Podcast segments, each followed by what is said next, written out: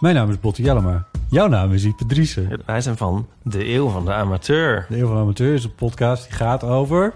Alles. Het is een eh, podcast over levenskwesties die je niet kunt googlen. Een soort licht neurotische blik op het leven. Het is een podcast met humor. Jezus. Kijk, een grapje. Die, die vragen durft te stellen en die je ook onbeantwoord durft te laten. Mooi. met een regenboogvlagje. Dat, dat noem je queerbot. Dat an- regenboogvlag, dat klinkt echt als een soort... Eh, ik bedoel, iedereen is welkom. Kom ons luisteren Zo in je favoriete podcast-app. Deze aflevering van Relaas is er dankzij onze vrienden van de show. Zij geven ons 2 euro of meer per maand, zodat wij deze podcast gratis kunnen houden voor iedereen. En check it out, Lien is sinds kort een nieuwe buddy van onze podcast. Zij krijgt van ons een inside scoop met exclusieve verhalen van eh, Relaas achter de schermen. Je krijgt ook een VIP-uitnodiging van ons, een VIP-uitnodiging, Lien, eh, voor een gezellig avondje vol verhalen. Alleen enkel voor onze vriendjes van de show. Dus lieve luisteraar, als jij dit verhaal vandaag gratis beluistert, dat is meer dan oké, fantastisch zelfs, dankjewel. Maar weet dat iemand anders het aan jou cadeau heeft gedaan.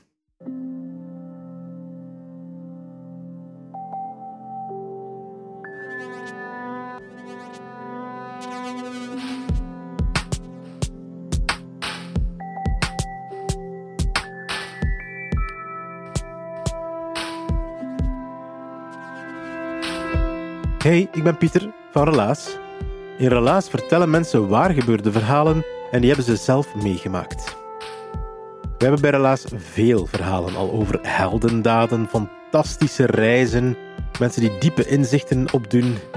Maar soms, soms hebben we ook verhalen over kleine, grappige, vuile dingen die we het leven ook wel eens tegenkomen, maar waar we misschien niet altijd mee te koop lopen. Dario die verklapt ons zo'n verhaal in Gent. Het was in november van 2023.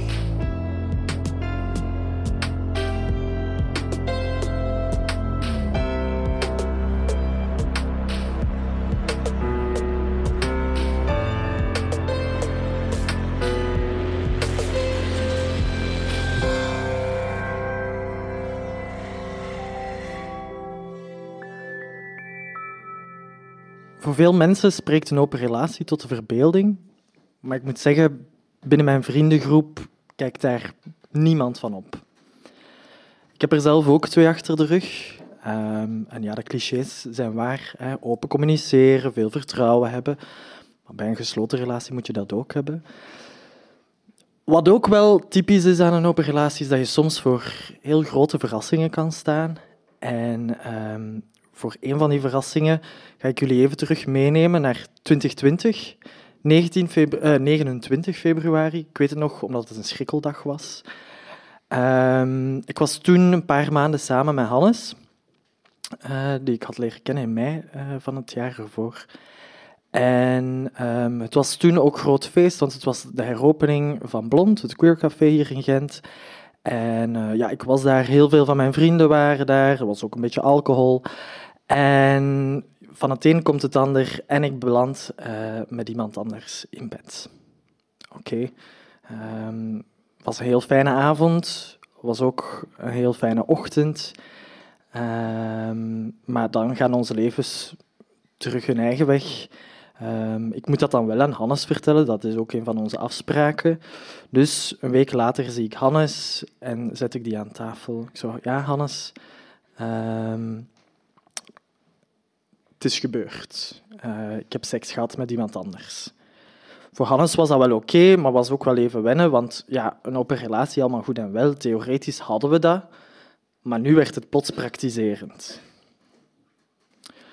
Oké, het leven gaat door, eh, ik ben aan het lesgeven en dan krijg ik plots telefoon van de persoon met wie ik in bed gelegen heb. Ja, ik moest lesgeven, dus ik leg af, maar ik kreeg een berichtje van ja, het is heel dringend, dus direct na mijn les eh, weglopen om een telefoontje te kunnen doen. Ja, hey, alles goed? Ja hoor, met jou ook alles goed. Eh, ja, het was echt fijn. Eh, nog eens bedankt voor de fijne avond en fijne ochtend. Leuk. Ehm, maar ik ben deze morgen naar de dokter geweest. En ehm, ja, ik moet u vertellen, ik heb ehm, schurft. Voor de mensen die niet weten wat schurft is, schurft zijn van die hele kleine, vieze beestjes die niet te zien zijn met de oog. En die zich vooral zo in de groeven van je handen steken, in je enkels en daar gangetjes bouwen. Daar kleine gangetjes bouwen, eitjes leggen, zich voortplanten en ga zo maar door.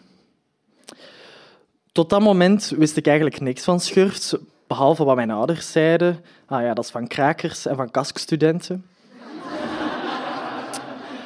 um, maar dus ja, op dat moment dacht ik, ah shit, misschien heb ik het ook. En ja, tegen de avond, het idee zat in mijn hoofd.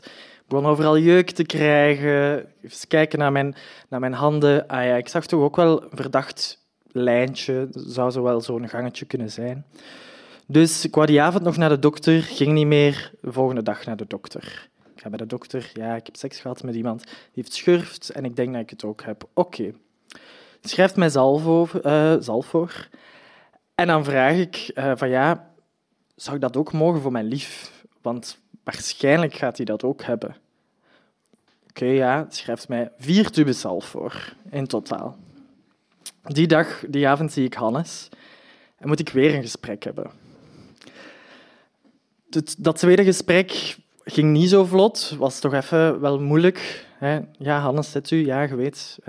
Twee weken geleden uh, heb ik met iemand geslapen. Ja, die heeft uh, gisteren gebeld dat hij schurft heeft. En ik denk dat ik het ook heb. Oké, ja. Ik heb een plan van aanpak. Ik ben naar de dokter geweest. We hebben tubesalf. Komt in orde. Die avond, net voor we gaan slapen, begint het ritueel. Staan daar alle twee poedelnaakt voor, voor elkaar. Zo'n hele tube zalf moet je over je lichaam smeren. Dus twee tubes zalf samen. Um, handig wel dat we met twee waren, konden we elkaar rug insmeren. Um, ja, helemaal ingesmeerd, dan handdoeken op bed gelegd. Ondertussen ook alle kleren die ik die week had gedragen in plastic zakken gestoken of op 60 graden wassen. Je mag kiezen. En uh, ja, we lagen daar dan als twee mummies in dat bed van mij. Elkaar ook niet aanraken, want dat is zo'n hele vieze, dikke crème waar je eigenlijk meer jeuk van krijgt dan van schurft. En daar moet je dan acht uur in slapen. Volgende ochtend wakker worden. Eerste wat we doen, douchen. Oké, dat is ervan. Bed, nieuw, uh, nieuwe lakens en zo, helemaal ververst. Zeven dagen later moet je dat weer doen. Exact hetzelfde ritueel. Bedoeling is ook dat je een soort van quarantaine houdt, dat je heel weinig mensen ziet, dat je weinig mensen aanraakt. Nu, dat was een voordeel als je goed kan tellen. Het was ongeveer 13, 14 maart 2020. Dat is net wanneer de coronalockdown begon in België.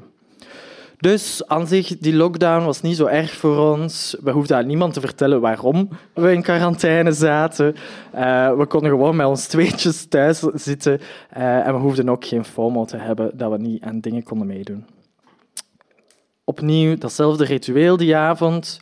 Hup, ingesmeerd, slapen als een mummie en de volgende dag douchen. We zijn er vanaf. Oh, um, ja, oké, we zijn er vanaf.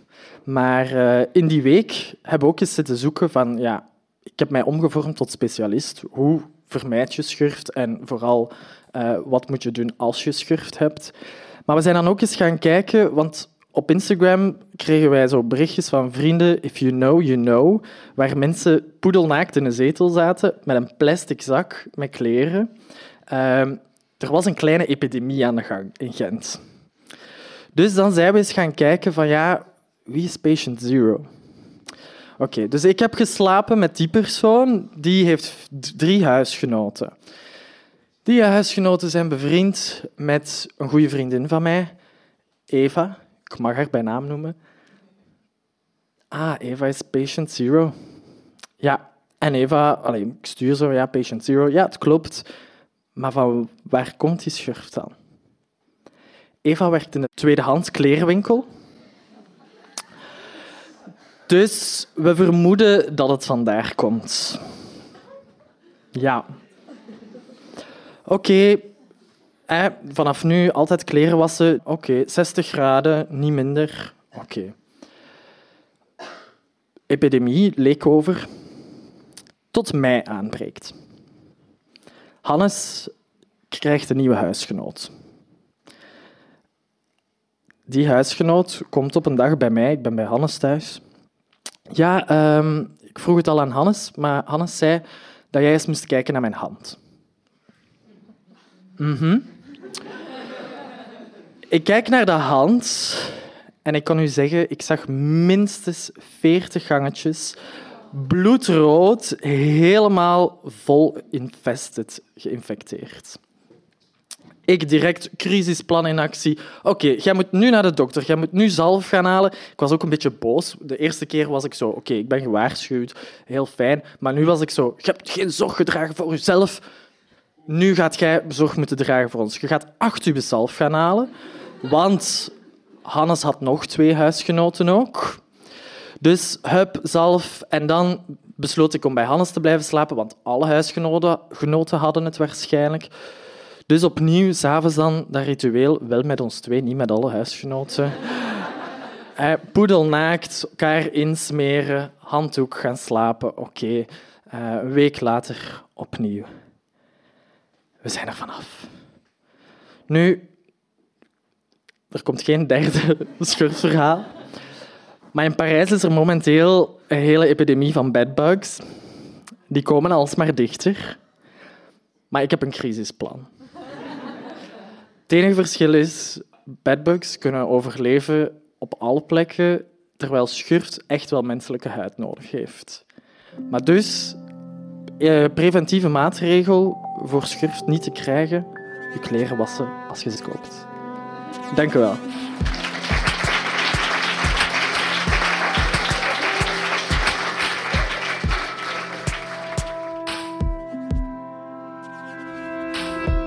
Dat was het relaas van Dario. Heeft het verteld in december van 2023.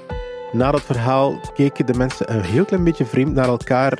Gingen ze ook wel wat verder van elkaar zitten. Want je weet, in Husset zit iedereen lekker dicht tegen elkaar. En het kan mijn verbeelding zijn, maar ehm, ja, die Dario die in het begin van de avond heel geliefd was, was misschien op het einde van de avond iets minder close met de mensen. Nee, grapje hoor. Iedereen was en bleef grote vriend van Dario en is er achteraf met hem komen over praten. Relaas bestaat dankzij de steun van de afdeling cultuur van de stad Gent en dankzij onze vrienden van de show. Onze vrienden van de show die geven ons een centje, een beetje zakgeld, 2 euro of meer, dat is ongeveer een tas koffie per maand, om onze podcast in leven te kunnen houden.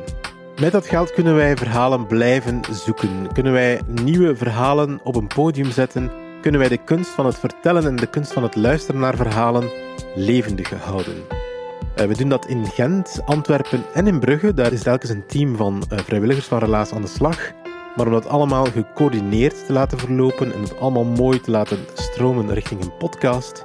En om met dat verhalen vertellen ook aan de slag te kunnen gaan uh, met verschillende projecten. Daarvoor hebben wij jullie steun nodig van de luisteraars. Jullie kunnen vriend van de show worden. Dat kan door 2 euro of meer per maand te geven via vriendvandeshow.be slash relaas. Dankjewel om te luisteren.